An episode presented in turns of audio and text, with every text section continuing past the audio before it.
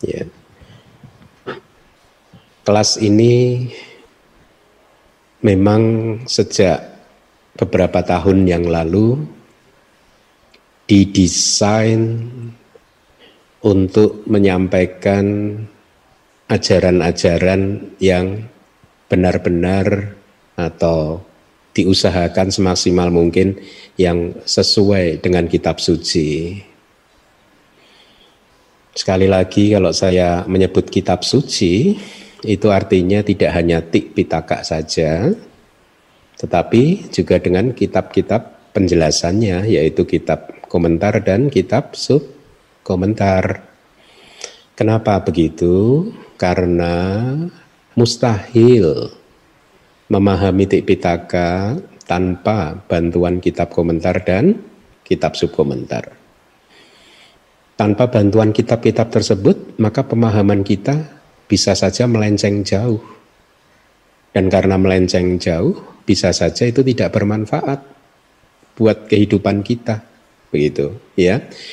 Oleh karena itulah eh, karma-karma buruk yang lalu sehingga dia tidak bisa atau karena lumpuh jadi untuk sementara waktu tidak berbuah. Bisa menghindarkan buah dari karma-karma buruk.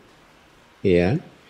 Kenapa hal itu demikian? E, karena mendengarkan kata-kata Buddha yang ada di dalam kitab suci. Saya katakan yang ada di dalam kitab suci itu mempunyai kekuatan yang niyanika. Yaitu mampu menuntun kita mengalir ke arah Eh, keluar dari samsara. Anda harus meyakini ini. Karena ini ada di kitab kita bahwa kata-kata Buddha ingat ya kata-kata Buddha bukan kata-kata Bante Keminda kata-kata Buddha. Kata-kata Buddha itu yang mana? Ya yang ada di kitab suci Nah kitab sucinya kan hanya Tipitaka saja. Iya eh, kata-kata Buddha itu di kitab uh, di Tipitaka, tetapi Anda membaca Tipitaka tanpa bantuan kitab komentar dan kitab subkomentar juga mustahil untuk memahaminya, bisa bisa memahaminya. Nah kata-kata Buddha itu niyanika, mempunyai kekuatan, mempunyai kemampuan untuk menuntun kita keluar dari siklus kelahiran dan kematian. Bukankah itu adalah satu hal yang sangat kita idam-idamkan bersama. Dengan kata lain, kalau kita mendengarkan pembabaran kitab suci seperti ini, kajian-kajian kitab suci seperti ini, kita jangan berpikir hanya untuk satu kehidupan ini saja. Hati-hati, kalau Anda hanya berpikir bahwa problem itu hanya ada di satu kehidupan ini saja, atau Anda benar-benar berpikir bahwa kehidupan ini hanya kali ini saja, maka itu adalah pandangan salah. Pandangan salah. Siapa pun yang berpikir di dalam pikirannya, di dalam hatinya, merasa, merasa memahami bahwa kehidupan hanya ini saja, dan problem hanya ada di dalam kehidupan ini saja, maka itu adalah pandangan salah. Kehidupan akan berulang terus selama Anda belum berhasil menghancurkan semua kotoran batin.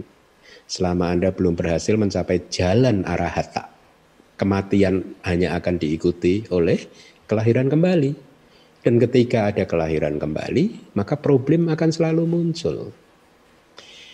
Itulah mengapa jangan apa uh, hendaknya tidak berpikir bahwa topik-topik yang ini tidak menyentuh problem sehari-hari. Justru menurut saya sebagai seorang yang boleh dikatakan setiap hari membaca kitab suci sejak mungkin lebih dari 10 tahun yang lalu saya mengerti bahwa justru ini yang harusnya dilakukan oleh siapa pun kita.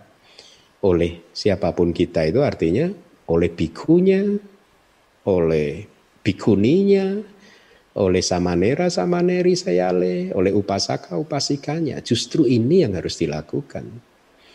Karena kita berpikirnya tidak hanya di dalam kehidupan kali ini saja. Artinya masih ada kehidupan-kehidupan ke depan yang kita harus pastikan kehidupan-kehidupan yang ke depan pun makin lama akan menjadi makin baik. Ya. Uh, Lu Bante, bukankah kita berjuang di kehidupan saat ini? Ya, kita harus realistis dengan pilihan Anda sebagai umat perumah tangga tentu untuk berjuang di kehidupan kali ini menjadi seorang arahat itu uh, sangat sulit bukan? Ya jadi harus realistis artinya. Ibarat orang bekerja Anda harus meniti karir meniti karir. Ya kalau Anda baru lulus sarjana melamar pekerjaan mungkin Anda baru dapat jabatan yang Eh, rendah begitu, tetapi seiring berjalannya waktu, karir Anda meningkat, posisi Anda meningkat, gaji Anda meningkat, kebahagiaan Anda meningkat karena mendapatkan gaji yang lebih tinggi. Demikian pula dengan karir spiritual. Di dalam siklus kelahiran dan kematian yang tanpa awal ini kita harus meniti karir spiritual kita untuk memastikan bahwa setiap kelahiran akan membawa kita ke arah yang makin dekat ke arah nibbana. Dan inilah mengapa mendengarkan kata-kata Buddha menjadi sangat penting sekali. Lalu bagaimana Bante eh, konteksnya mendengarkan kelas pariyati sasana bisa mengatasi problem sehari-hari? Paling tidak ada dua hal yang bisa saya sampaikan. Yang pertama mendengarkan kata-kata Buddha itu adalah punya. Ya, dasak punya kiryawatu termasuk satu dari sepuluh kebajikan. Dengan kata lain, selama dua jam Anda benar-benar menimbun banyak benih-benih kebajikan. Bayangkan saja, kalau satu jentikan jari saja satu triliun kebajikan yang tercipta, katakanlah ya, maka berapa banyak kebajikan yang Anda timbun ya? Mungkin 6, bukan 60 persen dari satu triliunnya kira-kira lah ya? Berapa banyak yang akan Anda timbun selama dua jam ke depan? Banyak sekali. Dan itu adalah keberhasilan cara ya. Kan karma yang kita lakukan itu mempunyai potensi untuk berbuah. Artinya bisa berbuah bisa tidak. Ya baik karma baik yang kita sudah lakukan maupun karma buruk yang sudah kita lakukan dia hanya berupa potensi kekuatan saja untuk berbuah tetapi mereka bisa di cancel sebenarnya dibatalkan bisa ditekan khususnya karma buruk ya Meskipun karma baik juga seperti itu, semua benih karma yang sudah kita lakukan di masa lalu itu bisa kita tekan, bisa kita lumpuhkan, bisa kita cegah untuk tidak berbuah. Dengan cara apa? Dengan cara kalau Anda ingin mencegah melumpuhkan buah karma buruk ya Anda harus e, melakukan empat keberhasilan ya. Empat keberhasilan itu eh, kita sebenarnya sudah berhasil lahir sebagai manusia dan lain sebagainya. Yang paling penting sekarang harus dilakukan adalah melakukan kebajikan. Dan ini kelas pariyati sasana adalah satu uh, dari sepuluh kebajikan. Ini adalah keberhasilan cara dan dengan demikian kebajikan yang Anda timbun selama mendengarkan kata-kata Buddha akan mampu melumpuhkan buah uh, melumpuhkan benih-benih karma buruk Anda di masa lalu sehingga mereka banyak yang lumpuh dan tidak mendapat kesempatan untuk berbuah. Bukankah itu dealing with daily life problem? Bukankah itu sangat diharapkan? Artinya Mendengarkan kelas pariyati sasana juga menyentuh problem sehari-hari. Karena dengan timbunan kebajikan Anda, banyak sekali karma buruk di masa lalu nanti yang akan Anda lumpuhkan dengan mendengarkan pariyati sasana sehingga mereka nggak muncul. Anda terhindar dari menikmati buah-buah karma buruk. Gitu. Satu itu. Poin kedua adalah dengan meningkatkan pengetahuan terhadap uh, di dalam uh, terhadap ajaran Buddha yang benar, maka Anda membuat akan membuat Anda menjadi terampil di dalam menghadapi situasi masalah-masalah kehidupan. Ya, akan membuat Anda terampil tanpa Anda sadari, akan membuat terampil, ya. Dan Anda akan semakin bisa bereaksi secara positif karena pengetahuan-pengetahuan yang sudah Anda pelajari setiap hari minggunya. Dan dengan demikian kualitas kehidupan Anda akan meningkat ya tapi sekali lagi ya jangan hanya berpikir di kehidupan kali ini. Tapi karena selama anda itu masih kita masih punya kilesa maka penderitaan itu akan selalu muncul. Ya sedih kecewa dan lain sebagainya akan selalu muncul karena memang kilesanya belum dihancurkan. Dan ingat ketika ada kelahiran kembali di masa yang kapan pun masalah akan selalu ada. Ya oleh karena itulah saya sering mengibaratkan begini. Kalau bagi Anda yang mengharapkan ceramah-ceramah yang menyentuh problem sehari-hari yang bersifat psikologis, itu sering saya umpamakan sebagai begini. Uh, ada seorang yang sakit kepala, pusing, kemudian minum painkiller. Ya, sakit kepalanya sembuh. ya sakit kepalanya sembuh, tapi Anda tahu painkiller tidak pernah addressing the issue. Painkiller hanya menghilangkan rasa sakit tetapi tidak pernah menyentuh akar dari masalahnya. Itulah kalau Anda ingin uh, apa uh, ceramah-ceramah yang menyentuh problem sehari-hari yang bersifat ceramah-ceramah psikologi begitu ya tetapi mendengarkan kata-kata Buddha ini bukan painkiller ini adalah benar-benar mencabut, memberikan pengetahuan kepada anda, anda, memberikan modal kepada Anda supaya karir meningkat sehingga akhirnya bisa mencabut akar dari sakit kepala itu tadi. Sehingga ketika dia dicabut akar dari sakit kepala tadi, Anda selamanya tidak akan pernah sakit kepala lagi. Tetapi kalau Anda hanya minum painkiller, ya ceramah yang menyentuh problem sehari-hari, hari ini pusingnya hilang, besok pusing lagi anda butuh guru lagi untuk mendengarkannya. Satu jam mendengarkan, pusingnya hilang, besok pusing lagi.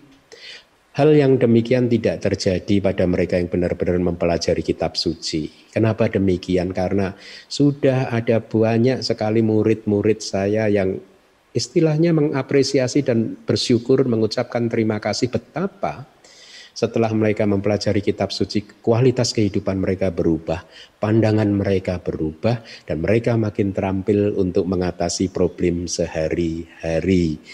Ya, demikian adalah uh, prolog dari saya. Pagi hari ini kita akan mempelajari suta masih dari Itik Wutaka, suta ke-52.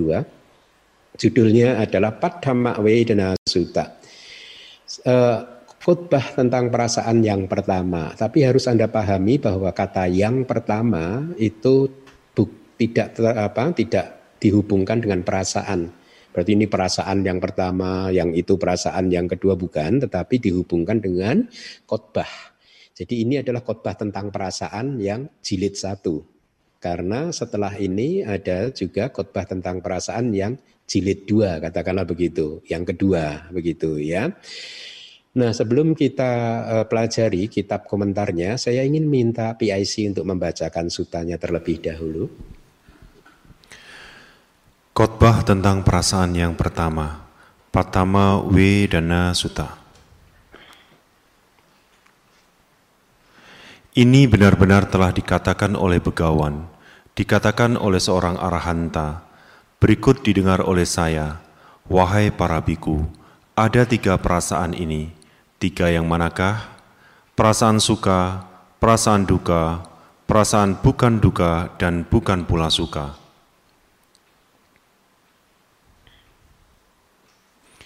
Ini wahai para biku, adalah tiga perasaan. Begawan mengatakan pesan itu sehubungan dengan hal tersebut. Berikut ini dikatakan.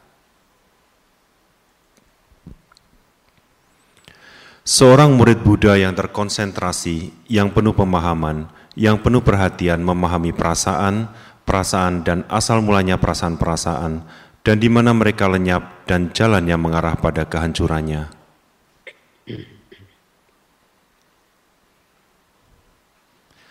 Oleh karena kehancuran perasaan-perasaan, seorang biku tidak lapar dan mencapai parinibbana. Pesan ini pun dikatakan oleh pegawan, telah didengar oleh saya demikian. Yang ketiga. Ya, baik. Terima kasih Pak Teguh. Itu tadi adalah khotbahnya. Ya seperti biasa, Anda sekarang saya harap ya, saya harap Anda semua sudah bisa mengerti kenapa saya mengatakan bahwa membaca Sutta Pitaka atau Tripitaka tanpa bantuan kitab komentar itu mustahil. Anda boleh cek semua suta yang sudah dibabarkan dan coba renungkan pernyataan ini benar atau tidak. Nah, saya menyampaikan hal seperti ini bukan bermaksud negatif. Saya menyampaikan ini dengan segala niat baik saya bahwa semua harus didorong untuk bisa membaca kitab komentar dan kitab subkomentar ya karena ini adalah sebagai satu bentuk tanggung jawab untuk mengajarkan sesuatu kepada uh, umat begitu ya. Nah, di suta ini tadi dikatakan Buddha mengatakan ada tiga jenis perasaan atau bahasa palinya Vedana ya.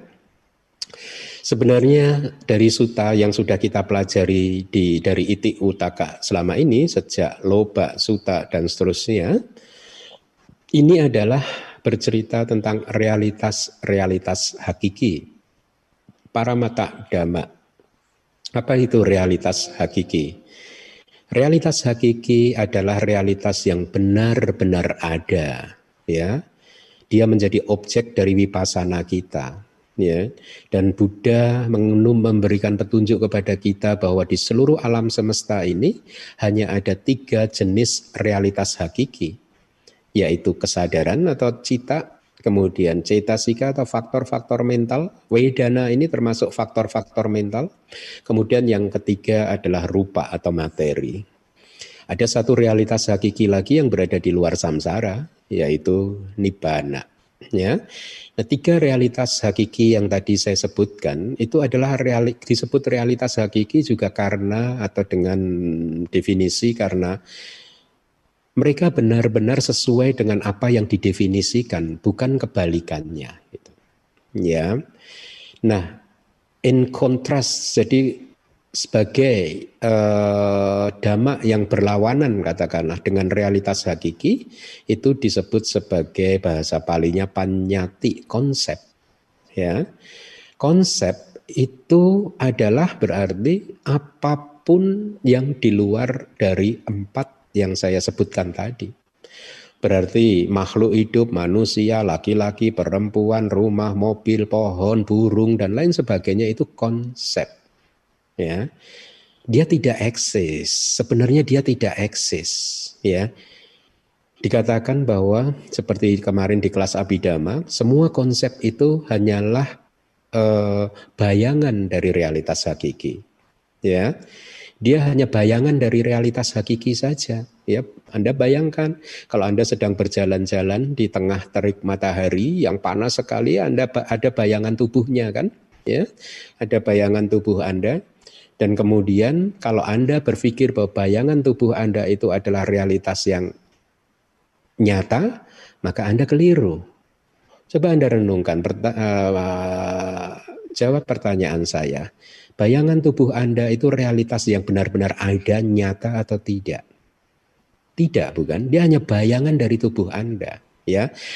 Yang nyata adalah tubuh Anda. Ini hanya perumpamaannya, meskipun sesungguhnya tubuh juga tidak nyata, gitu ya. Tapi ini hanya perumpamaan saja untuk menggambarkan uh, perbedaan antara realitas hakiki dan konsep.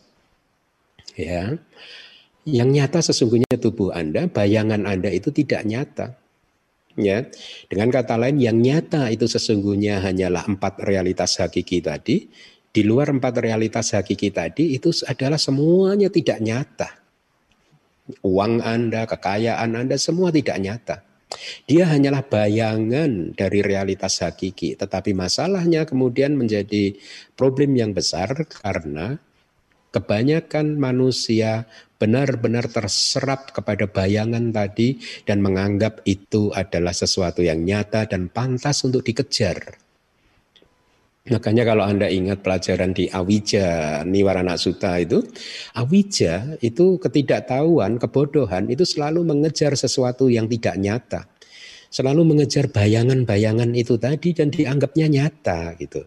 Awija tidak mau mengejar sesuatu yang nyata. Awija tidak mau mengejar cita-cita sika rupa dan nibana. Ya. Nah, kebetulan beberapa hari yang lalu saya dikirimi satu video yang saya pikir ini bisa cukup bagus untuk memberikan ilustrasi kepada Anda. Jadi videonya itu adalah tentang anak kecil bule ya, kalau tidak salah dia bule itu. Umurnya mungkin sekitar tiga tahun gitu, dia baru bisa belajar berjalan gitu. Singkat cerita di dalam video tersebut dia sedang berjalan-jalan di tengah uh, terik matahari begitu Tadinya dia berjalan dengan happy begitu, dengan bahagia sampai suatu saat dia menoleh melihat ke tanah, dia melihat ada bayangan tubuhnya. Dan dia langsung uh, kayak terkejut begitu. Kemudian dia berjalan cepat kayak setengah berlari sambil melihat bayang melihat kebayangannya. Dan ketika mengetahui bahwa bayangannya itu selalu mengikuti dia, apa yang terjadi? Dia menangis. Dia menangis, gitu. Dia lari ke sana kemari sambil menangis. Ketika saya melihat video itu, saya straight away ingat pada uh, hal seperti ini yang akan yang tadi sudah saya sampaikan tadi betapa manusia selama ini hanya mengejar bayangan dan itu dianggapnya sebagai sesuatu yang nyata. Ya.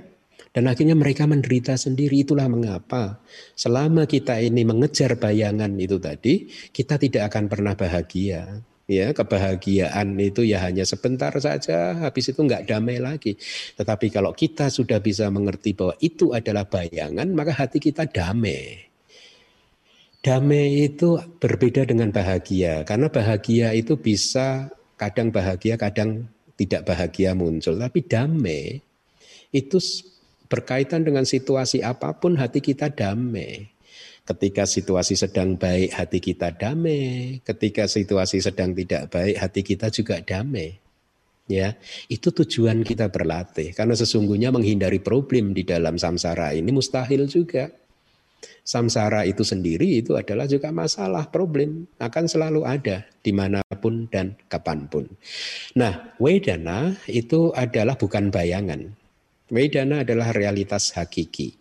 Definisi dari nibbana adalah aramana rasang wediyanti anu bawanti di wedana. Aramana rasang wediyanti anu bawanti di wedana. Artinya mereka ingin baju yang tebal itu adalah sesuatu yang uh, menyenangkan kemudian atau kriteria standar penilaian yang lain itu adalah dengan uh, bahagianya ah bahagianya. Demikian. Tetapi sebaliknya setiap kali perasaan duka itu muncul, sekujur tubuh bergetar juga menyebar seperti seseorang yang memasuki papan besi yang panas dan seperti seolah ada yang memercikkan tembaga cair hingga menyebabkan dia berteriak, "Oh, duka, Oh duka, oh sakit, oh sakit, oh tidak nyaman, oh tidak nyaman gitu ya. Nah, sekarang Anda hati-hati, setiap kali Anda merasakan perasaan yang tidak nyaman itu adalah perasaan duka ya. Dan kalau itu dirasakan di dalam hati, maka itu adalah karma buruk.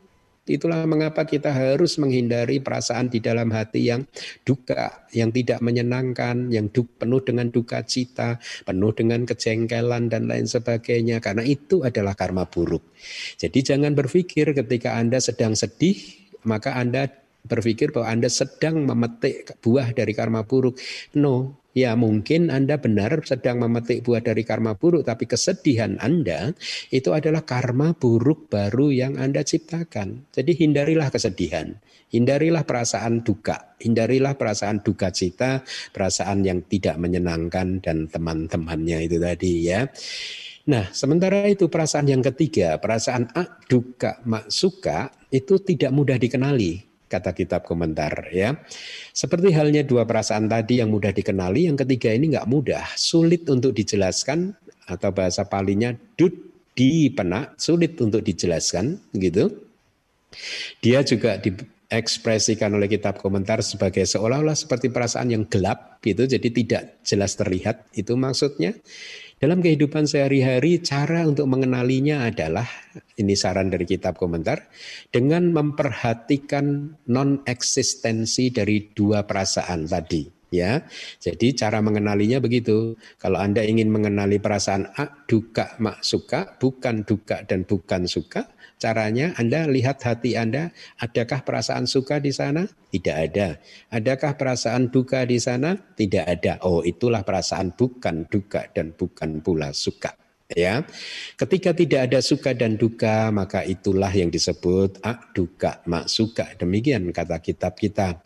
Jadi kita mudah untuk mengenali suka bukan ya seperti rasa manis mudah untuk dikenali kita juga mudah untuk mengenali rasa duka atau perasaan duka karena seperti rasa pahit yang mudah dikenali. Keduanya jelas terlihat. Tapi ketika tidak dan ketika tidak ada rasa manis dan rasa pahit itu tadi, maka yang ada adalah bukan manis, bukan pahit. Itulah kira-kira ilustrasinya. Ada kata juga mengilustrasikan seperti ini. Rasa suka atau rasa duka, perasaan suka dan perasaan duka itu seperti halnya jejak kaki seekor rusa yang berjalan di bebatuan yang berdebu. Mudah terlihat bukan? Ya. Nah, ketika tidak ada jejak kaki rusa itu, maka yang ada itulah perumpamaan untuk duka mak suka. Ya, paham ya? Jadi perumpamaannya tadi.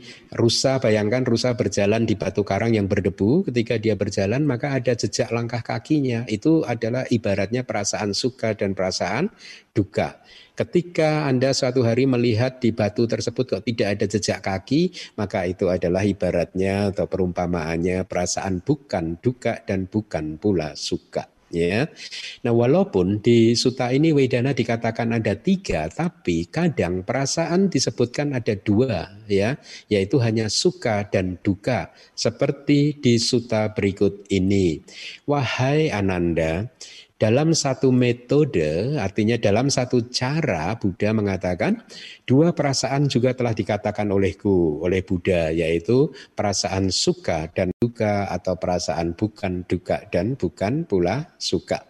Sementara perasaan duka adalah tidak menyenangkan di momen kelangsungan, tetapi dia menyenangkan di momen penggantian. Artinya ketika hilang perasaan duka, menyenangkan gitu ya. Perasaan bukan duka dan bukan pula suka adalah menyenangkan ketika ada pengetahuan. Ya, ketika Anda tahu bahwa oh inilah perasaan netral, hmm, perluasnya lagi menjadi sapi untuk uh, menuju ke objek tersebut, juga ada kesadaran yang menyadari objek itu juga uh, muncul bersamanya. Dengan demikian ada lima fenomena mental tersebut yang diamati ketika seorang mengamati kontak atau bahkan mengamati wedana ya dan yang lain-lainnya. Cara yang seperti itu dipakai oleh para yogi yang kepadanya perasaan menjadi jelas terlihat. Artinya ketika perasaan jelas terlihat atau landasannya diamati. Nah, apa yang diamati? Ketika yogi mengamati rupa atau materi, maka dia menemukan akan melihat dua fenomena kelompok fenomena yang berbeda, ya, yaitu kelompok pertama disebut unsur-unsur dasar yang besar, maha buta, yaitu elemen air, elemen api, elemen angin, elemen udara, dan kelompok fenomena yang kedua adalah upada rupa atau materi yang bergantung pada unsur-unsur dasar yang besar tadi. Jadi yang kedua ini kemunculannya benar-benar bergantung pada elemen tanah, elemen air, elemen angin, elemen uh, elemen api, elemen angin. Nah, dengan demikian dia paham, waduh landasan adalah rupa, sedangkan penta kontak adalah nama ya. Dan dia pun melihat hanya ada nama rupa ini saja. Di luar itu sudah tidak ada lagi fenomena.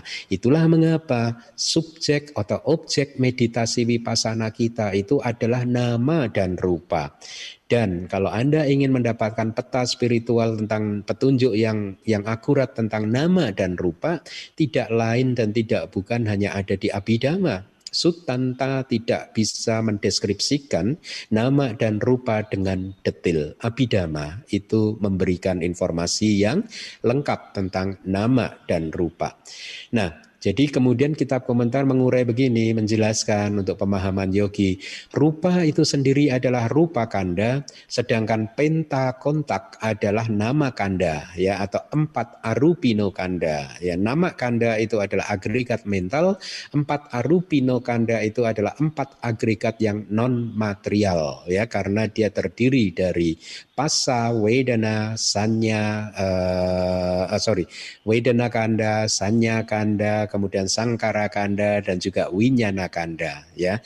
Dengan demikian pancakanda diamati atau dengan kata lain pancakanda itu tidak terpisah dari nama dan rupa dan atau sebaliknya nama dan rupa juga tidak terpisah dari pancakanda. Ketika yogi sudah bisa membedakan, oh ini nama, oh ini materi seperti itu, dia lalu mencari sebab dari nama rupa ini. Pancakanda ini memiliki sebab apa? Dan ketika dia mencari, dia menemukan sebabnya tidak lain adalah awija dan lain-lain. Awija dan tanha ya. Ketika pemahaman dia tentang uh, hal tersebut menjadi jelas terlihat secara perlahan-lahan ya dia akan mulai melihat tiklakana. itu adalah pengetahuan wipasana yang berikutnya sama sana nyana. Dia mulai perlahan-lahan melihat bahwa segala sesuatu itu adalah anicca, duka dan anatta ya. Ketika pemahaman tentang tiklakana ini matang dengan kekuatan nama rupa bersama dengan kondisi-kondisinya dia merealisasi kembali makin dalam lagi bahwa awija itu sendiri bukan hanya sebuah kondisi tapi dia pun adalah dhamma yang muncul karena kondisi. Menarik ya. Jadi awija itu bukan hanya sebab yang memunculkan tadi pancakanda tadi. Bukan hanya menjadi pacaya atau kondisi untuk pancakanda tadi tetapi awija sendiri adalah dhamma yang muncul dari sebab juga ya. Jadi dia bukan sesuatu yang muncul tanpa sebab oleh karena itulah pemahaman yogi tentang hubungan sebab dan akibat menjadi sangat kuat. Dan dia melihat bahwa segala sesuatu hanyalah fenomena nama dan rupa, tidak ada makhluk, tidak ada individu, apa pun yang ada hanyalah murni tumpukan-tumpukan sangkara atau formasi-formasi. Demikian kata kitab komentar. Setelah sampai di tahapan seperti itu, dia akan melanjutkan ke tahap berikutnya untuk mengembangkan pengetahuan wipasana tentang anicca, dukkha, dan anatta tadi. Dan apabila dia mengharapkan penembusan empat kebenaran mulia pada hari itu juga, karena telah mendapatkan iklim yang cocok untuk bermeditasi, ya, yang cocok dengan tubuhnya, tidak terlalu panas buat dia, tidak terlalu dingin buat dia, dia sudah mendapatkan makanan yang sesuai juga buat dia, ya, tidak membuat dia perut dan lain sebagainya. Dan dia juga sudah mendengarkan dhamma yang sesuai untuk meningkatkan uh, wirya dia. Setelah vipasananya mencapai puncak dalam satu posisi duduk sila saja dia mencapai kearahantaan gitu ya. Jadi itu uh, penjelasannya. Nah wedana ini perasaan ini adalah sebab terdekat kemunculan tanha ya Wedana pacaya tanha kata patijak samupada ya. Jadi wedana ini adalah sebab terdekat kemunculan tanha atau nafsu kehausan karena wedana ini diidam-idamkan oleh tanha. Jadi mudah untuk dipahami ya. Apabila perasaan suka adalah kondisi untuk, uh, untuk tanha itu mudah untuk dipahami ya. Ketika perasaan suka menyenangkan muncul maka nafsu kita uh, akan bisa muncul itu mudah untuk memahaminya. Tetapi bagaimana memahami bahwa perasaan dua perasaan uh, yang lainnya duka dan aduka masuka itu juga adalah kondisi untuk kemunculan tanha ya. Nah slide tolong ditampilkan Demikian penjelasannya. Pertama-tama, seseorang yang dilengkapi dengan suka, artinya perasaan sukanya sedang muncul, dia akan merindukan perasaan suka yang seperti itu, atau bahkan mengharapkannya lebih tinggi lagi. Inilah yang dinamakan suka wedana pacaya tanha. Ya, dari suka wedana muncullah tanha. Nah, karena bahkan ketika perasaan suka muncul aja dia merindukan perasaan suka yang sama atau bahkan yang lebih kuat lagi. Lalu apa yang bisa kita katakan ketika perasaan duka muncul? Tentu saja tanha juga akan muncul, merindukan perasaan suka ya atau bukan duka dan bukan pula suka dikatakan sebagai suka di sini karena kualitasnya yang damai. Jadi tetap saja ketika bukan duka dan bukan pula suka itu muncul, tanha juga muncul mengharapkan perasaan itu tidak lenyap. Maka dikatakan wedana pacaya tanha sambawati artinya Nafsu kehausan itu berasal dari perasaan sebagai kondisinya. Oleh karena itu, ketika perasaan tiga perasaan ini muncul, Anda harus benar-benar menerapkan yoniso manasikara supaya tanha tidak muncul ya. Kenapa? Ketika Anda benar-benar menerapkan yoniso manasikara, maka ketika perasaan apa pun yang muncul, Perasaan tidak memunculkan tanha, tetapi memunculkan kebijaksanaan. Sehingga roda patija samupada berputarnya menjadi wedana pacaya panya atau panya berasal dari wedana e, sebagai kondisinya begitu ya. Nah, e, lalu kitab komentar juga mengatakan sebenarnya eh, kemunculan perasaan itu berkaitan dengan apa? Begitu ya. Dikatakan berkaitan dengan makhluk-makhluk atau sangkara-sangkara formasi-formasi yang men, sudah menjadi ita aramana yang sudah menjadi objek yang menyenangkan. Ya. Maka objek yang menyenangkan adalah sebab juga kemunculan perasaan suka Demikian pula ramana objek yang tidak menyenangkan adalah sebab untuk kemunculan itu uh, perasaan yang duka. Kemudian ramana objek yang di tengah-tengahnya itu adalah kondisi atau sebab untuk kemunculan perasaan bukan duka dan bukan pula suka. Nah di bagian akhir dari sutanya tadi dikatakan ada kalimat seorang biku yang terkonsentrasi gitu ya. Artinya apa? Artinya terkonsentrasi melalui konsentrasi yang terdiri dari dua jenis konsentrasi yaitu upacara samadhi dan apana samadhi. Upacara samadhi itu adalah konsentrasi akses tetangganya jana, ya dekat sekali dengan jana. Kemudian jenis yang kedua adalah apana samadhi atau konsentrasi absorpsi atau ini adalah jana, ya. Jadi terkonsentrasi hanya merujuk kepada dua jenis konsentrasi tadi, upacara samadhi dan apana samadhi. Dengan kalimat itu Buddha memperlihatkan penerapan meditasi samatha ya jadi dengan kalimat itu Buddha sedang berbicara tentang pencapaian meditasi samatha bukan vipassana seperti yang sebelumnya sudah kita bahas di bagian akhir juga ada kalimat penuh pemahaman. Untuk ini ada saya sarankan membaca buku Sutanta jilid 3 tentang Mahasati Padana Sutta di bagian 4 sampak jana, 4 pemahaman yang penuh gitu ya. Kemudian penuh perhatian itu artinya seorang biku memperhatikan objek-objek dengan sati atau dengan perhatian penuh. Dengan cara dengan kalimat itu yogi menyempurnakan meditasinya dengan cara samata dan vipassana ya. Jadi terkonsentrasi itu merujuk kepada samatanya, penuh pemahaman dan penuh perhatian itu merujuk kepada uh, apa uh, uh, wipassananya gitu ya.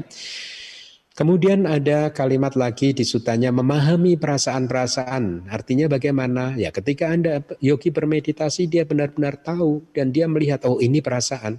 Ini adalah perasaan suka, ini adalah perasaan duka, ini adalah perasaan ak duka, mak suka. Sebanyak ini saja perasaan artinya ya sebatas ini saja perasaan. Di luar ini sudah tidak ada lagi yang disebut sebagai perasaan artinya perasaan itu ya hanya seperti ini saja. Di masa lalu perasaan itu ya seperti itu, di masa sekarang perasaan itu seperti itu, di masa sekarang perasaan juga seperti itu, eh, di masa depan perasaan juga akan seperti itu gitu. Nah, jadi seorang yogi akhirnya memahami kemudian tik lakana ya atau tiga karakteristik anicca, duga dan anatta dengan melalui tiga parinya pengetahuan yang akurat di tahap awal vipassana mereka. Dia mengerti demikian, oh perasaan adalah anicca, duga, dan dhamma yang mengalami perubahan. Setelah mengembangkan vipassana, dia memahami perasaan dengan penuh melalui penembusan eh, dari peng, eh, melalui pengetahuan akurat di kesadaran jalan.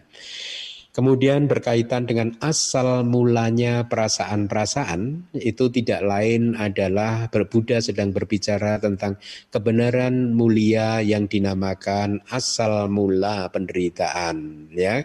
E, kebenaran mulia yang kedua samudaya saja ya. Kemudian di suta ada kalimat di mana mereka lenyap ya. Dijelaskan oleh kata-kata di mana pun wedana itu lenyap sejauh itu yang dimaksud adalah kebenaran mulia yang ketiga atau niroda saja. Kemudian ada kalimat jalan yang mengarah pada kehancurannya artinya yogi tersebut memahami dengan penuh ya Arya Maga yang merupakan jalan untuk uh, menghancurkan perasaan tanha, nafsu kehausan. Tanha telah ditinggalkan dan dia akan pada akhirnya kelahiran itu, kehidupan itu adalah kehidupan dia yang terakhir. Setelah kematiannya sudah tidak akan ada atau diikuti dengan kelahiran yang baru. Dengan kata lain, ketika dia meninggal itulah dia uh, itulah saat dia mencapai uh, kanda parinibana ya yaitu uh, kepadaman dari semua uh, agregat. Sedangkan selama hidupnya seorang arahat mencapai kilesnya yang Arya uh, di nibana ada perasaan atau tidak? Itu kemudian yang Arya Sariputa menjawab tidak ada perasaan. Kemudian si penanya kemudian bertanya ulang, kalau tidak ada perasaan lalu bagaimana kita bisa merasakan kebahagiaan nibana? Gitu kan? Sering dikatakan ya, betul. kebahagiaan nibana, kebahagiaan nibana. Sedangkan di sana tidak ada perasaan. Nah, jawaban yang Arya Sariputa itu brilian. Beliau menjawab begini, justru karena tidak ada perasaan maka itulah sesungguhnya kebahagiaan yang sejati. Kira-kira begitu. nah, eh, Uh, jadi itu separuh benar, tetapi separuh yang tidak benar adalah uh, ketika tadi anda mendengar bahwa di nibana tidak ada apa-apa, gitu ya. Tidak, di nibana tetap ada sesuatu, tetapi itu adalah di luar pancakanda yang kita kenali saat ini, begitu ya hati-hati dengan berpikir dengan pikiran bahwa di nibana itu tidak ada apa-apa ya. Karena itu adalah satu bentuk pandangan uh, salah ya yang disebut nihilisme ya. Itu pandangan salah tidak ada apa-apa gitu ya. Di nibana ada apa-apa gitu ada apa-apa ada sesuatu tetapi bukan pancakanda Lalu yang ada di sana apa? Itulah yang sulit untuk dideskripsikan. Ya, sulit dideskripsikan ya karena eh, semua kata-kata, semua definisi itu benar-benar muncul dari pengalaman-pengalaman panca indera ya kita bisa mendengar kata-kata apa pun istilah apa pun nama apa pun ya keadaan apa pun itu semua adalah sesuatu yang dialami oleh panca indera ya. Jadi ketika kita mendefinisikan sesuatu yang di luar pengalaman panca indera maka kita kehilangan kata-kata kita tidak mempunyai kata-kata untuk mendefinisikannya. Ya karena ini adalah benar-benar pengalaman di luar panca indera. Ya. Nah, biasanya para yogi akan menarik inference begitu ketika mereka belum mencapai maga pala ya, dia akan menarik kesimpulan seperti ini. Saya belum bermedit uh, belum mencapai nibana saja, baru mencapai pengetahuan wipasana A, pengetahuan wipasana B saja, sudah seperti ini kedamaian di dalam hati saya. Perasaan sukacitanya pun lebih powerful dan tapi lebih lembut dibandingkan perasaan sukacita yang keduniawian. Ya, ini belum mencapai nibana, apalagi kalau ini diteruskan dan akhirnya mencapai nibana, pasti akan lebih hebat dari ini. Ya, mereka yang sudah merealisasi pengetahuan wipasana tahu persis kenapa mereka tidak boleh berhenti. Artinya kenapa mereka harus terus berlatih sampai mencapai minimal mungkin sotapati maga cita, uh, sotapati maga nyana, sotapati uh, uh, maga dan palak cita gitu ya atau minimal menjadi seorang sotapana gitu ya.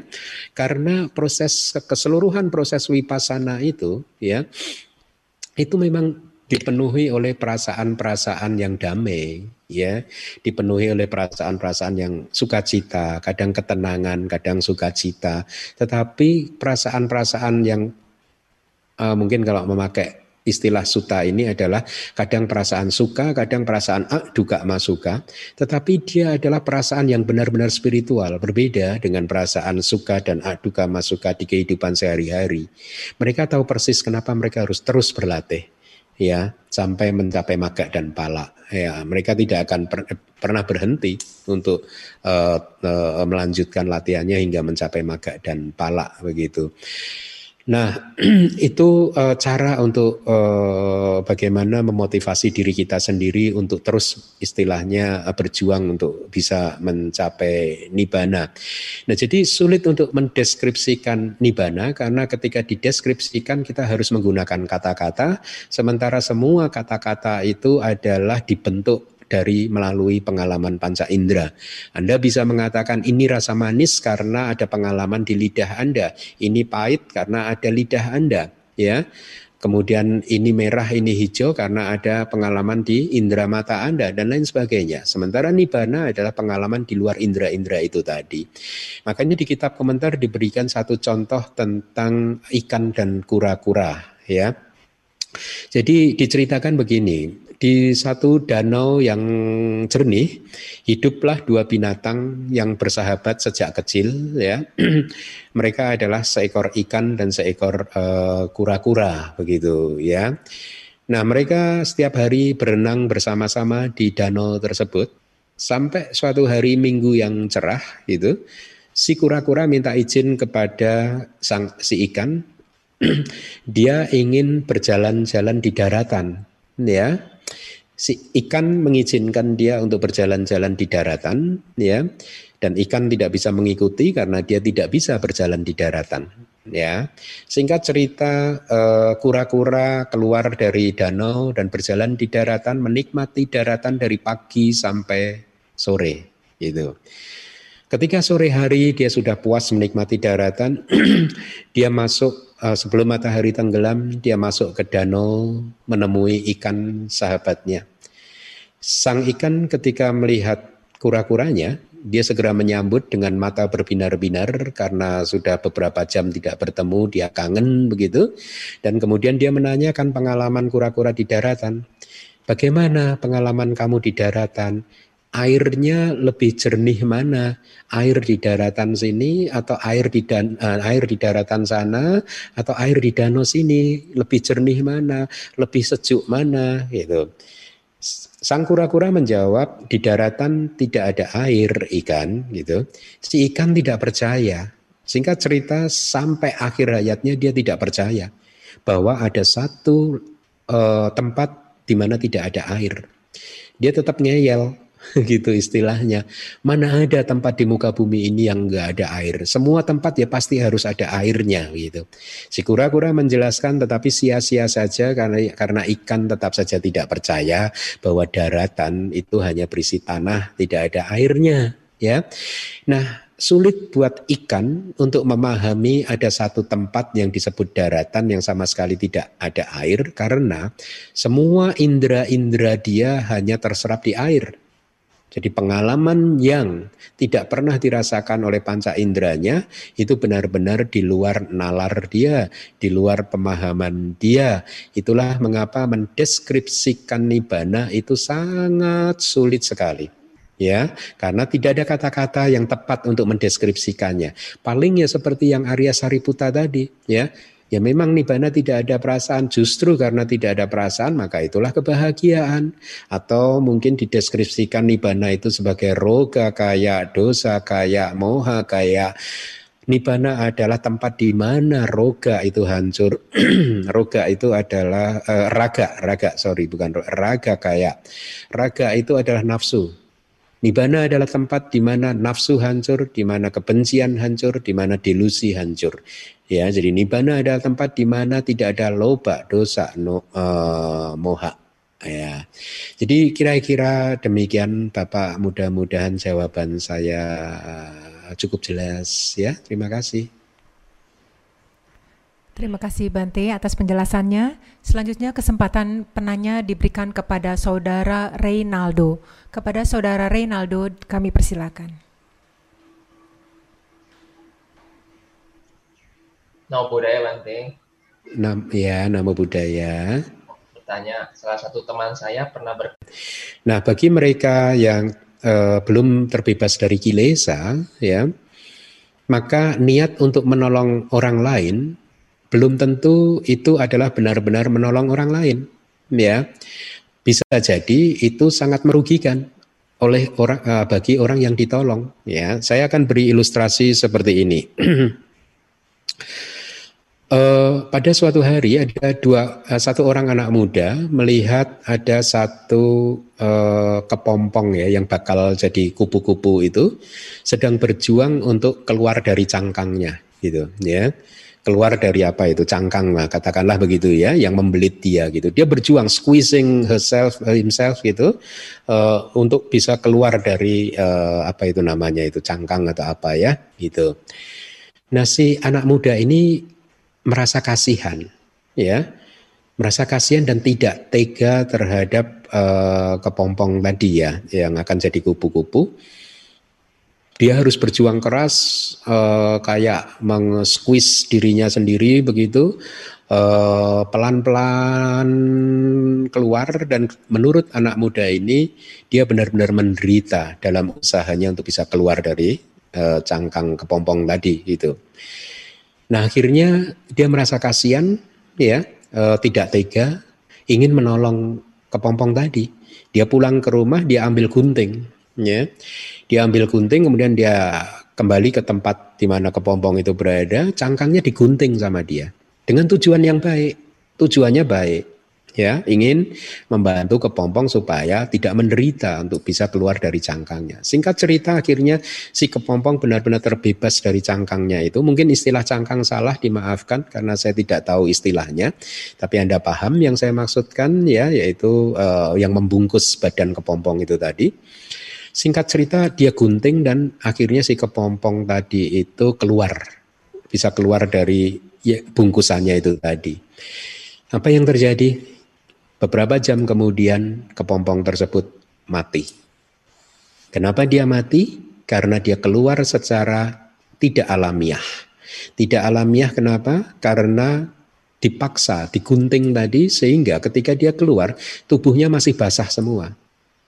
Padahal sesungguhnya kata ilmuwan ya, kepompong memang memerlukan proses secara alamiah seperti itu, squeezing memeras seolah-olah juga seperti tubuhnya terperas sendiri sehingga ketika dia keluar dari cangkangnya itu tadi tubuhnya sudah kering. Dan ketika kering dia akan bisa hidup menjadi seekor kupu-kupu yang indah. Lihat, banyak kejadian seperti itu. Ya, banyak kejadian seperti itu. Bahkan guru-guru dhamma seperti saya juga tidak terhindarkan kalau saya tidak hati-hati bisa memberikan nasihat yang salah. Ya. Anda ingat enggak Ajata satu dan Dewa Data? Ya, Ajata satu itu berguru kepada Dewa Data yang masih penuh dengan kilesa. Singkat cerita karena nasihat dari Dewa Data, Ajata satu membunuh ayah kandungnya sendiri. Ajata satu membunuh ayah kandungnya sendiri karena nasihat dari gurunya. Dan ini selalu saya katakan sebagai satu tragedi besar. Ya, dan tragedi besar itu tidak hanya terjadi pada Ajata satu. Di zaman modern ini juga banyak seperti itu. Ya, makanya jadi guru itu berat sebenarnya. Ya, kalau kita tidak hati-hati kita bisa memberi petunjuk yang salah yang akhirnya orang yang meminta petunjuk kepada kita melakukan karma buruk yang berat itu ya jadi dan itu terjadi di setiap zaman. Di zaman modern ini pun terjadi. Guru memberikan petunjuk yang salah kepada muridnya dan akhirnya muridnya melakukan karma buruk yang berat. Ya. Nah uh, uh, itulah mengapa di sisi lain kemudian saya juga ketika umat-umat di DBS itu meminta saya untuk mengajar sesuai kitab suci saya bersyukur itu bersyukur Kenapa? Minimal mudah-mudahan saya bisa terhindar dari memberikan nasihat-nasihat yang salah kepada para umat. Toh yang saya sampaikan ini ibaratnya saya hanyalah penyambung lidah kitab suci. Ya, menyambungkan uh, apa yang ada di kitab suci saya sambungkan kepada Anda. Saya tidak menyampaikan apa-apa, saya hanya menerjemahkan kemudian saya sampaikan kepada Anda begitu. Jadi ada beban yang besar yang tiba-tiba lenyap dari saya ketika ternyata umat-umat di DBS malah meminta saya mengajar yang model seperti itu, ya. Nah, eh, dengan demikian saya bisa mudah-mudahan ya terhindar dari banyak kesalahan.